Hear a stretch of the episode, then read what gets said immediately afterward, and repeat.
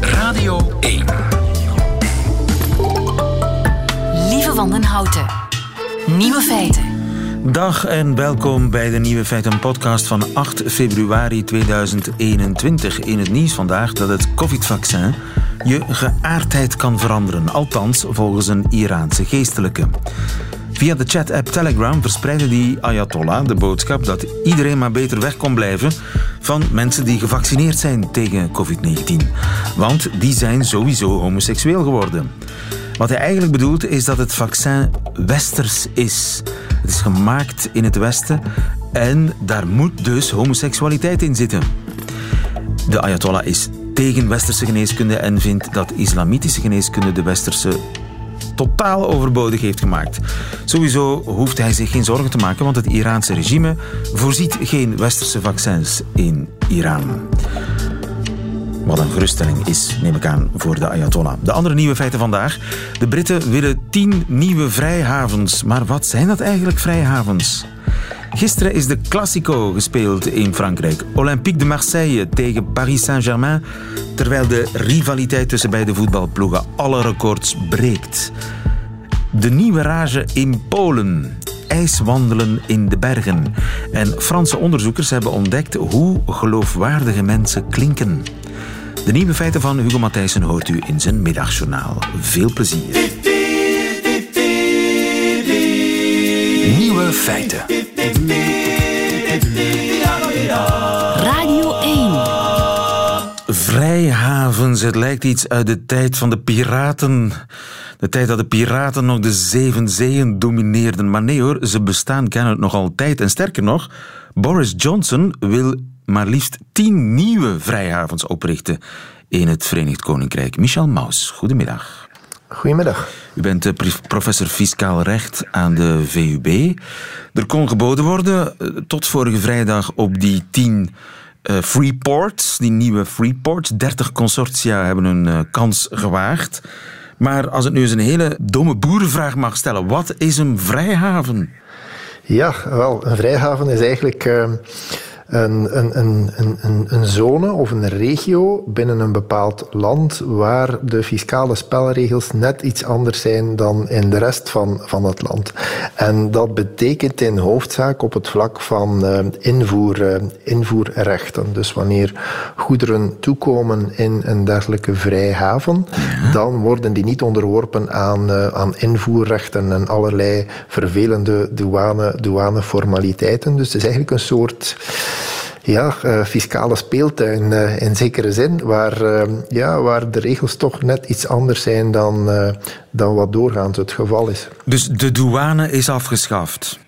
Daar komt, het, eh, daar komt het eigenlijk op neer. Vandaar dat je ook vaak dergelijke vrijhavens gaat terugvinden in, in zeehavens of in, in luchthavens, waar de goederen ook, ook toekomen en waar ze dus onder eigenlijk een soort beschermd statuut eh, kunnen, eh, kunnen aangehouden worden. En, en dat, die bescherming blijft bestaan zolang die goederen in die zone, in die zone blijven. Dus juridisch zijn die goederen in transit.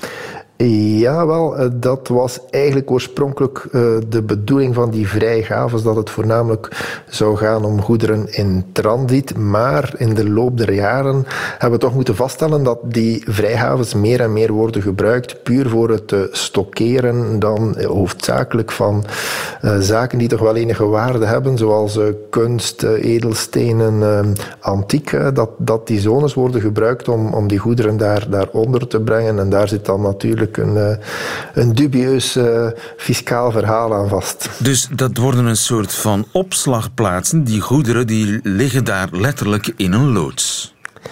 Ja, wel, het zijn dan eerder eh, bijzondere opslagplaatsen, want er zijn natuurlijk een aantal vrijhavens die zich dan ook gaan, gaan specialiseren in, in bepaalde eh, goederen. Eh, Luxemburg, maar ook Zwitserland heeft toch wel een zekere reputatie wa- wanneer het op kunst aankomt. En die hebben dan zeer gespecialiseerde opslagplaatsen waar kunstvoorwerpen in de meest optimale omstandigheden qua luchtvochtigheid en temperatuur kunnen, kunnen bewaard worden. Ja, en geen nieuwsgierige mannetjes en vrouwtjes met petten op en in uniformen die komen kijken wat daar allemaal zit. Ja, en, en daar zit natuurlijk het, eh, het dubieus verhaal van die, van die vrijhavens natuurlijk. eh, wanneer eh, mensen ja, centen hebben die niet al te kosher zijn. Ja, wanneer die worden aangehouden op een bankrekening, ja, dan is het de dag van vandaag eigenlijk zo dat er op basis van de systemen van internationale uitwisseling van bankgegevens, dat de zaken toch wel vrij,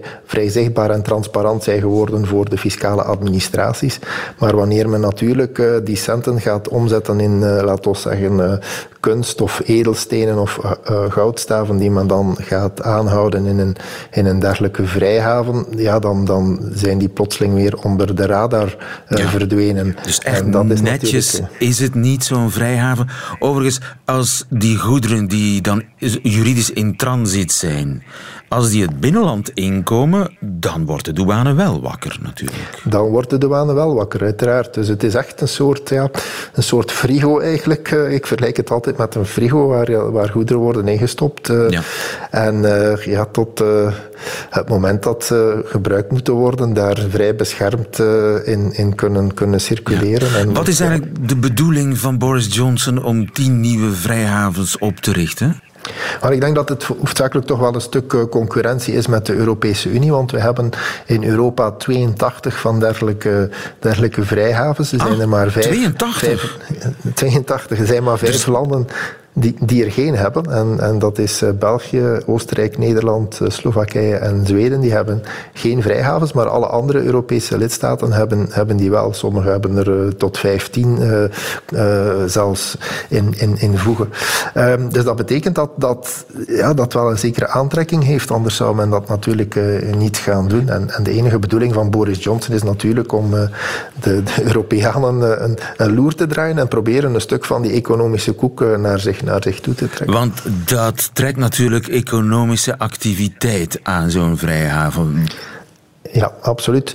Uh, dat is uh, zeker het geval als men, als men echt gaat, gaat specialiseren. Uh, we hebben daarnet al het, het voorbeeld gegeven van, van kunst, ja, als daar dan gespecialiseerde mensen op, uh, op afkomen die dan de, de kwaliteit hebben om, om, om dergelijke zaken in optimale omstandigheden te gaan, te gaan bewaren, ja, daar is natuurlijk een zekere expertise voor, voor nodig en daar wordt ook voor betaald uiteraard, dus dat trekt wel economische activiteit aan ja. uh, natuurlijk. En kun je daar ook bijvoorbeeld fabrieken bouwen en die onderdelen komen van, uh, van einde en verre en die onderdelen die zijn niet onderworpen aan douane en, en je gaat dan assembleren in die haven. Is dat ook de bedoeling? Zo van die Ja, dus je hebt uh, verschillende soorten vrij, vrijhavens. Je hebt uh, de klassieke verhalen die, die geconcentreerd zijn rond luchthavens of zeehavens, waar echt goederen toekomen en gestockeerd worden, uh, om dan later terug, terug te vertrekken. Maar je hebt ook industriële zones waar, waar ja, grondstoffen, goederen kunnen toekomen, om dan, dan vervolgens verwerkt te worden. Ja. Je hebt ook specifieke economische zones, waar, dan, uh, uh, ja, waar men dan zich focust of gaat focussen op, op bijzondere goederen. Dus dat is allemaal, ja. uh, behoort allemaal tot de mogelijkheid. En eigenlijk is dat dan een verkapte vorm van staatssteun, want ja, de, de staat derft dan die douaneinkomsten, maar in ruil daarvoor is er meer economische activiteit. Ja, dat, dat klopt. En uh, dat is uh, mogelijk onder uh, de Europese, Europese wetgeving momenteel. Ja. Maar ik moet toch wel zeggen dat er wel wat beweging is. twee jaar terug heeft het Europees Parlement nog een uitvoerig rapport gepubliceerd, dan voornamelijk over de, de wanpraktijken die er, er vasthangen aan, aan die vrij, vrijhavens, waarbij men dan ook toch wel focust op, op witwasproblemen ja. en, en het verhaal van fiscale, fiscale fraude. Dus dat zijn zaken die natuurlijk wel, wel, wel spelen en waar ja, dat, dat een, nu, nu tot op heden nog altijd een, een, een materie is die zo wat onder de radar uh, blijft. Bankrekeningen zijn, zijn zeer sterk transparant geworden, maar we zien natuurlijk een afleiding van, van bankrekeningen naar, naar ja, vrijhavens voor mensen die, die duistere bedoelingen hebben. En dat blijft alsnog toch wel voor een stuk onder de radar. Ja, en dus Europa wil dat misschien wel gaan afbouwen, maar dat wordt dan wel heel moeilijk als de, de, het Verenigd Koninkrijk dat juist wil gaan stimuleren. Dat is natuurlijk de, de oefening en de boxmatch die we de komende jaren herhaaldelijk zullen zien, zien opduiken. Ja. de, de brexit is nu eenmaal, eenmaal een feit en het verhaal van de, de brexit-deal bevat toch, toch nogal een aantal hiaten, waardoor je natuurlijk dergelijke concurrentieslagen tussen Groot-Brittannië en de Europese Unie gaat zien de revue passeren de komende jaren. En of die Brexit-deal een of andere hinderpaal kan opleveren voor de uitbouw van die vrijhavens, dat zal nog moeten blijken. Want ze hebben afgesproken dat de Britten niet al te veel staatssteun zouden geven. Als dat een soort van staatssteun wordt, die vrijhavens, dan, dan kan daarover gebakkeleid worden natuurlijk. Ja, dan zit uh, het spel op de wagen uh, natuurlijk. Hè. Dus, uh, maar ja, dat was te verwachten. het is natuurlijk evident dat Groot-Brittannië niet zomaar uit die Europese Unie gaat stappen en vervolgens alle regels van die Europese Unie verder gaat, zomaar gaat, gaat naleven. Zij willen natuurlijk een concurrentiële voorsprong uh, uitbouwen door uh, gebruik te maken van, uh, van de, regels die, die, de spelregels die er zijn. En zij gaan dat natuurlijk, natuurlijk doen. Dat lijkt evident. Helder, Michel Maus. Dankjewel. Goedemiddag. Graag gedaan. Nieuwe feiten. Coucou de France. Met Alex Visorek.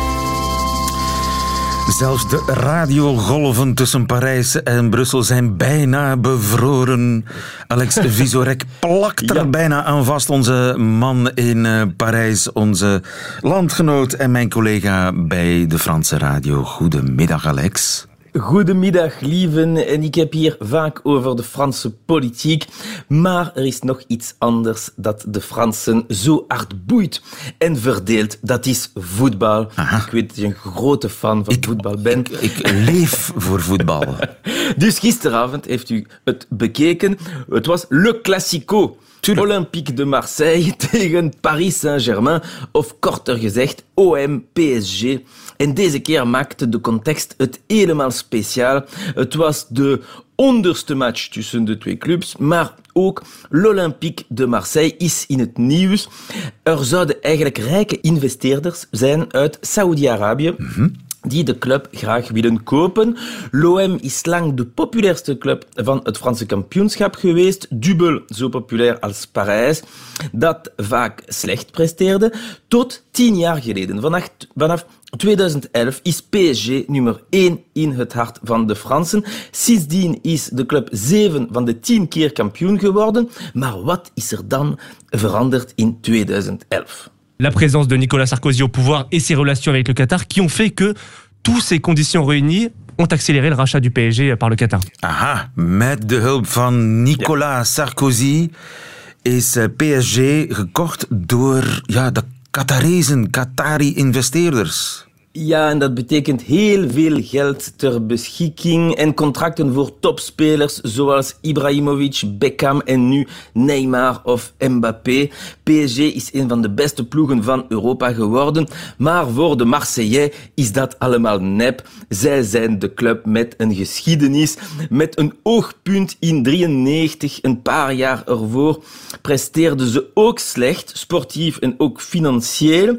De Franse zakenman Bernard Bernard Tapie heeft l'OM toen voor één Franse frank gekocht, symbolisch. En uh, hij wilde er weer een grote club van maken en dus een paar jaar later... Oh, Et c'est fini L'Olympique de Marseille a remporté la Coupe d'Europe des clubs champions. La malédiction de 38 années est passée. Un club français a enfin gagné une Coupe d'Europe. C'est l'Olympique de Marseille. Ja, eh, la malédiction est passée. Olympique Marseille wordt Europees kampioen. Ze hebben de Champions League gewonnen. Ja, eerste Europa-beker voor een Franse club uh, na 38 jaar. De enige Franse club die ooit de Champions League won. En dat was met een Belgische trainer, Raymond Goethals. Die ken je toch wel? Iedereen in Marseille is nog lof van Goethals. En voor hoe direct hij kon zijn bij een bepaalde match werd Eric Cantona, een speler met een, een korte loontje, boos, omdat hij alleen maar vervanger was. Coach, zei hij, Cantona zal nooit op de bank zitten.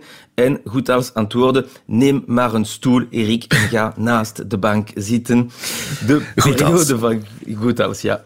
In de tekst, de periode van glorie van Marseille heeft eigenlijk niet lang geduurd. Een uh, kwam boven water. Raymond Goethals kreeg later tijdens een interview vragen over dat gesjoemel, zegt men dat? Ja, ja, gesjoemel. Les magouilles, les, les magouilles, zoals we in het Frans zeggen. Sur les magouilles, que ce soit en Belgique de- ou, ou en France, sur les magouilles du football, alors là, vous n'êtes pas prolixe. hein. Alors là, vraiment, euh, presque rien. Hein. Il y a quel magoul El Magul. Hij weet niet welke magouille waarover hij moet spreken. Eh, maar ook al was de glorie weg. Ehm, toen Marseille aan de top van het Franse voetbal stond een rivaliteit tussen l'OM en het hoofdstad Parijs. Ehm, en die is nooit weggegaan. Integendeel, het is maar erger geworden. Er is een eh, echte haat tussen de twee clubs. En dat komt te vaak met geweld. Er zijn vechtpartijen in de straten. Openbare bussen worden aangevallen en kapot gemaakt. En de haat is niet alleen te zien als ze samenspelen. Vorig jaar bereikte eh, de vijand PSG de finale van de Champions League. En het ging zo ver dat er in Marseille kledingsvoorschriften kwamen. Pour éviter tout risque, le préfet des Bouches-du-Rhône avait décidé d'interdire dimanche le port du maillot du PSG autour du Vieux-Port. Ja, dus er kwam een nieuwe regeling, een verbod om het truitje van Paris Saint-Germain aan te doen in Marseille. Ja, juist de dag voor de finale. Eh, maar uiteindelijk ging dat verbod toch niet eh, door de vraag van de president Macron. Eh, en ik zeg de president en niet de supporter, omdat Emmanuel Macron eigenlijk een grote OM-fan is. Luister maar dit fragment. Het is tijdens zijn presidentiële campagne. Macron is bezig met zijn eh, campagnestrategie. En dan komt Brigitte Macron, zijn vrouw, heel bezorgd naar haar man. Hij heeft duidelijk een heel slechte nieuws op zijn smartphone gekregen. Oh merde, deuxième fois, putain Quoi donc Bah, Monaco qui a battu l'OM. tu vois, on s'en fout Oh, Brigitte. Brigitte, on s'en fout. Oh la la, Brigitte Maar, ja. toch. Waarschijnlijk zijn er veel koppels die dit soort gesprekken hebben. Maar dus terug in 2021. Dit seizoen gaat het heel slecht met Marseille. In het Franse kampioenschap volgde de ene nederlaag naar de andere. Ze zijn nu ook officieel de ploeg die het slechte presteerde in de geschiedenis van de Champions League. 13 nederlagen. Eh, de vorige recordhouder eh, was Anderlecht. Oké. Bijvo- ja, bij, bijgevolg zijn de supporters al een tijdje heel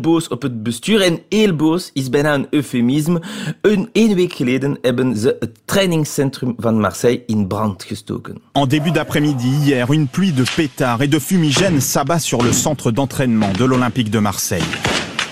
Le dispositif de sécurité est débordé. Une cinquantaine d'individus forcent l'entrée du bâtiment.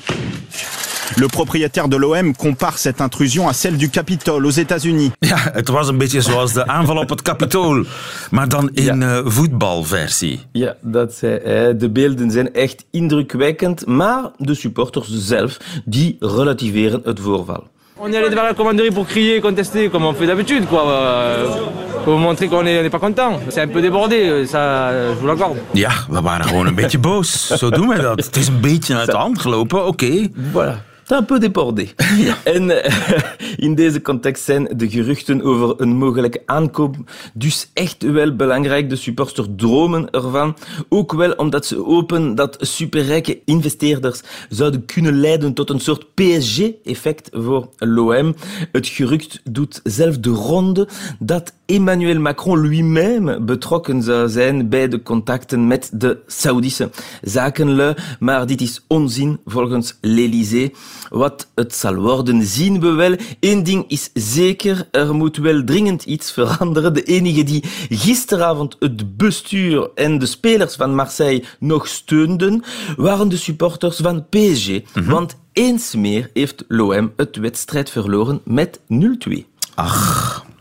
Maar dat wist je, lieven. zeker. Ah, uiteraard. En we oh, zullen de Saoedi's Marseille redden. Hou ons op de hoogte. Suspense in eh, Frankrijk. Dankjewel, Alex Visorek. Goedemiddag. Tot volgende week. Radio 1. Nieuwe feiten. Nu in een shortje en om bloot bovenlijf gaan wandelen. Zegt het u wat? IJswandelen. Het is de nieuwe rage in Polen. Emilie van Outeren, goedemiddag. Hi, hallo. Je bent correspondent Polen voor eh, NRC. En jij bent met een paar eh, Polen onlangs een berg opgewandeld. Hoeveel kleren hadden die Polen nog aan? Heel weinig. Ze kwamen aangereden met eh, dikke winterjassen en lange broeken aan. Maar op de besneeuwde parkeerplaats ging dat allemaal uit. En het enige wat overbleef waren schoenen, sokken, korte broek, een muts en handschoenen. Wel handschoenen, maar geen trui. Ja, nee, geen trui, geen shirt en ook geen, eh, ook geen eh, lange pijpen van de broek. Blote benen, blote borsten, blote armen. En dan gingen jullie de berg opwandelen? Ja, dat is nu helemaal de rage in Polen. Dat ze naast eh, zwemmen in ijskoud water, wat ik nu ook wel in Nederland en België heb gezien, eh, besloten hebben om ook met zo min mogelijk kleren aan door de sneeuw te gaan wandelen. En dat moet bergop en snel, want eh, anders ja, krijg je het niet warm genoeg. En dat is de hobby van de mannen met- wie ik op pad ging. En hoe koud was het? Het was die keer maar min 8 toen we begonnen. Min en, ja, boven, 8? boven op de berg nog ietsje kouder. Min 8?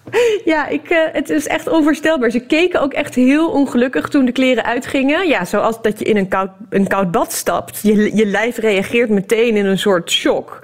Eh, maar ja, het is wel waar als je eenmaal een beetje tempo hebt en de zon gaat schijnen, dat het eigenlijk ja, er niet heel onaangenaam uitzag. Maar jij hebt je kleren aangehouden. Ja, ja dat, is wel, eh, dat is wel gebruikelijk als ik aan het werk ben. Maar het, maar het is ook echt iets voor mannen. Vrouwen doen het niet.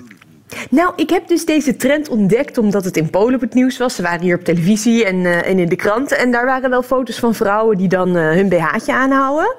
Eh, wat toch voor Polen best radicaal is hoor. Want die zie je al niet heel snel in bikini. Dat is best eh, zeer katholiek en eh, conservatief eh, volk over het algemeen. En, eh, maar ik, misschien omdat ik Nederlandse pers kwam dat ze die zondag er niet bij waren. Of eh, dat ze een andere reden hadden. Ik was alleen met mannen op pad. Ja, en dat is wel katholiek. Blote mannen, dat is katholiek. Blote vrouwen, dat is niet katholiek.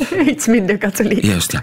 En hoe zagen die kerels eruit na een paar, ja, na tien minuten, een kwartier? Ik bedoel, paars? Nou, nee, meer een beetje oranje-rood. Dat het, eh, de heel, het bloed heel nauw aan de, aan de huid komt, eh, komt te liggen. Ik, eh, ja, alsof je gaat blozen. Zoals Ja. je huid van je gezicht ook in de kou kan reageren, doet dan je hele lijf dat.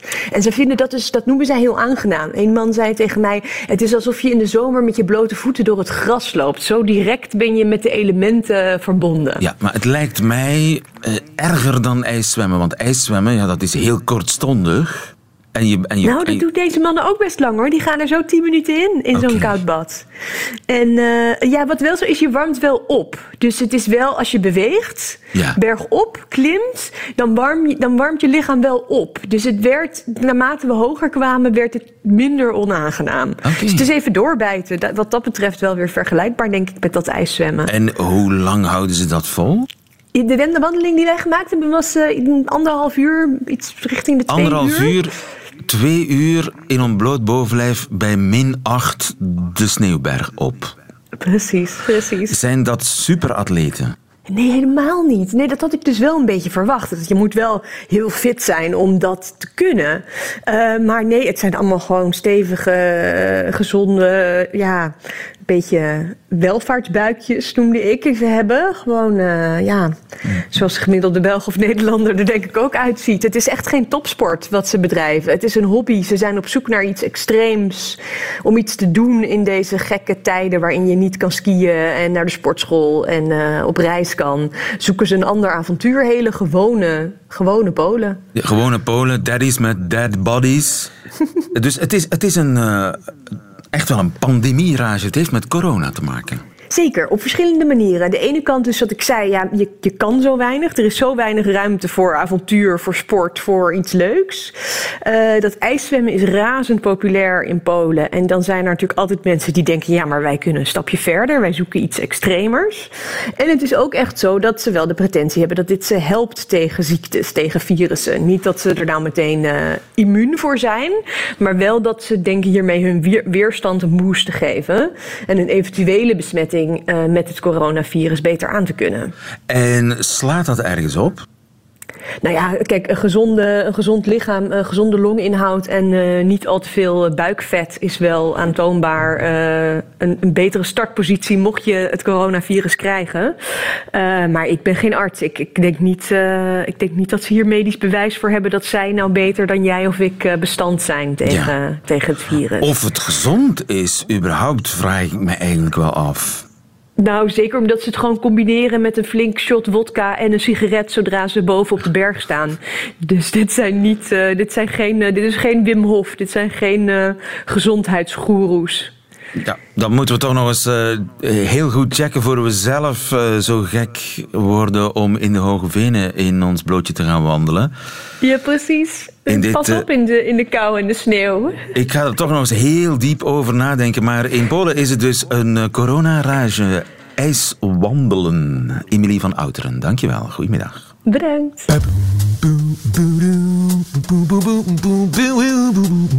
Radio 1. Nieuwe feiten. En uh, dan nu even een klein experimentje. Als ik tegen u zeg, vandaag is het mijn verjaardag, gelooft u mij dan? Of niet? En als de regering zegt een mondkapje beschermt tegen corona, gelooft u dat dan? Ik vraag het u omdat Franse wetenschappers erachter zijn gekomen dat de manier waarop iets gezegd wordt bepaalt of u de boodschap gelooft. En onze man in Parijs, Frank Renaud, heeft met die wetenschappers gepraat. Goedemiddag, Frank. Goedemiddag. Dus hoe ik iets zeg bepaalt de geloofwaardigheid. Dat is eigenlijk de crux, hè? Jazeker. Een team van Franse wetenschappers heeft daar onderzoek naar gedaan. En dat onderzoek is vanochtend gepubliceerd. En zij zeggen de manier waarop we woorden uitspreken, dus de toon, de nadruk op woorden, de snelheid van de zin, dat bepaalt of de luisteraar denkt de spreker liegt of spreekt de waarheid. De hersenen interpreteren namelijk de klankende toon en bepalen daardoor of wij denken dat het waar is wat we horen. Of wij denken dat het waar is, maar het zegt niks over uh, of het daadwerkelijk waar is. Exact, daar kan uh, de wetenschap niks over zeggen of iemand echt liegt of niet, maar wel hoe wij het interpreteren. Denken wij dat jij de waarheid spreekt of niet? En hoe werkt dat dan concreet? Wat is waar, wat is niet waar van wat we zeggen? Ik heb die onderzoeker gesproken, de hoofdonderzoeker Jean-Julien Aucouturier. En hij kwam zelf met een praktisch voorbeeld waarbij hij ook zijn stem gebruikte. Dus luister eventjes met hem mee. Si vous me demandez quelle est la capitale de l'Australie, est-ce que c'est Canberra La prononciation est un peu lente. Et si à l'inverse je vous réponds Canberra, euh, la diction est plus rapide. La hauteur euh, du mot tombe à la fin, le pitch tombe à la fin. Bon, si je vous dis Canberra, vous dites, tiens, cette personne a l'air de savoir de, de, de quoi elle parle. Nou, ook Couturier sprak de stadsnaam Canberra dus uit, de hoofdstad van Australië. Eerst deed hij dat langzaam, met een hoge toon aan het eind.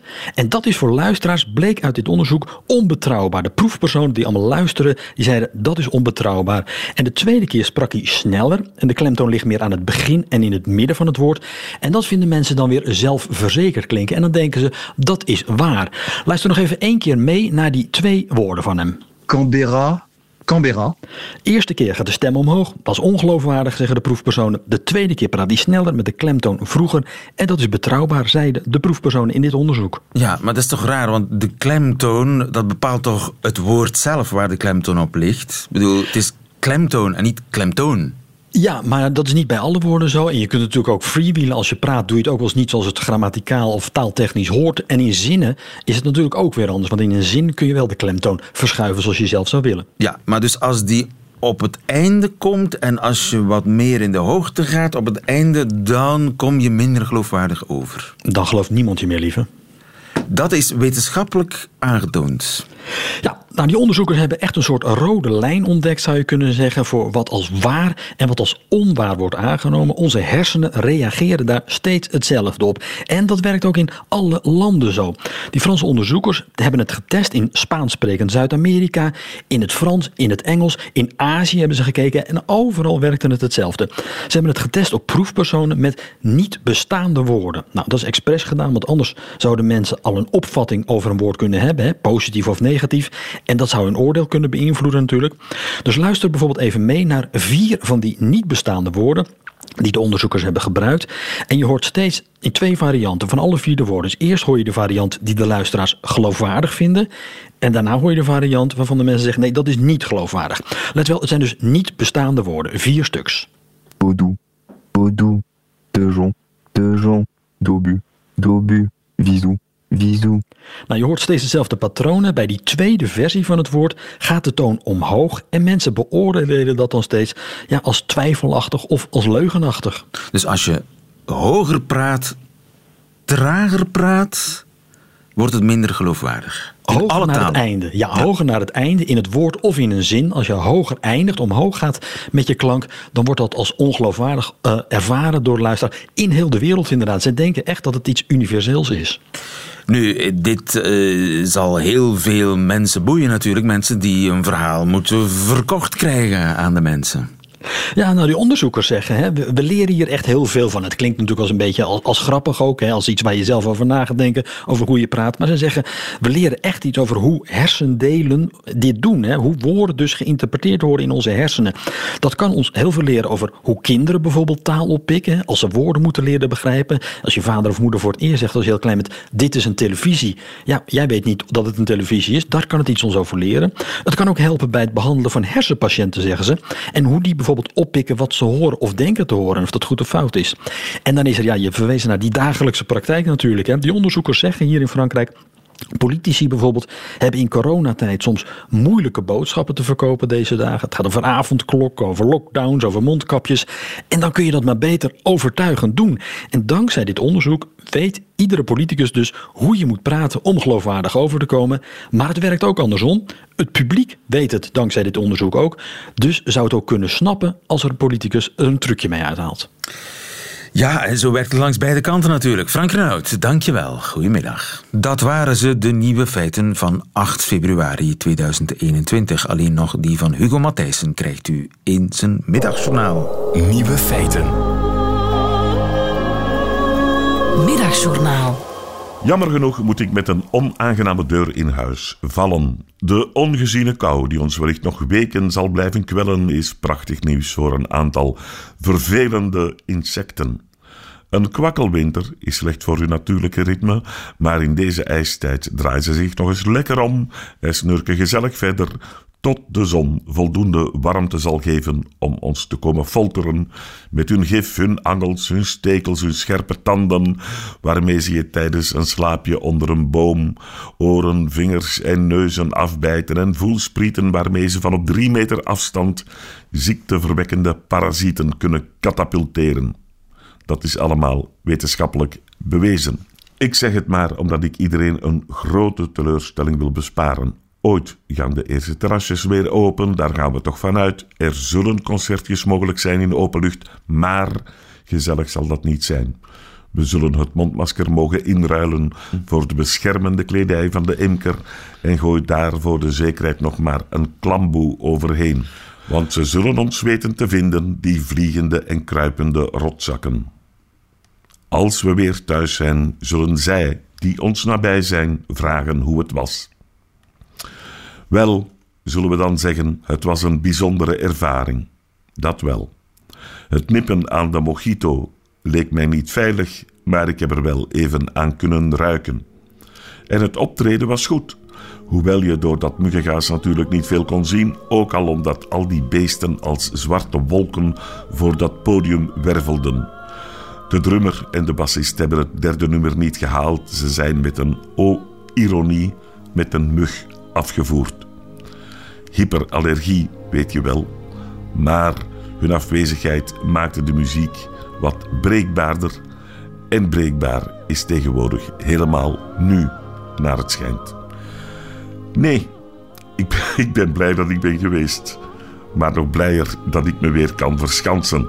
Tot morgen.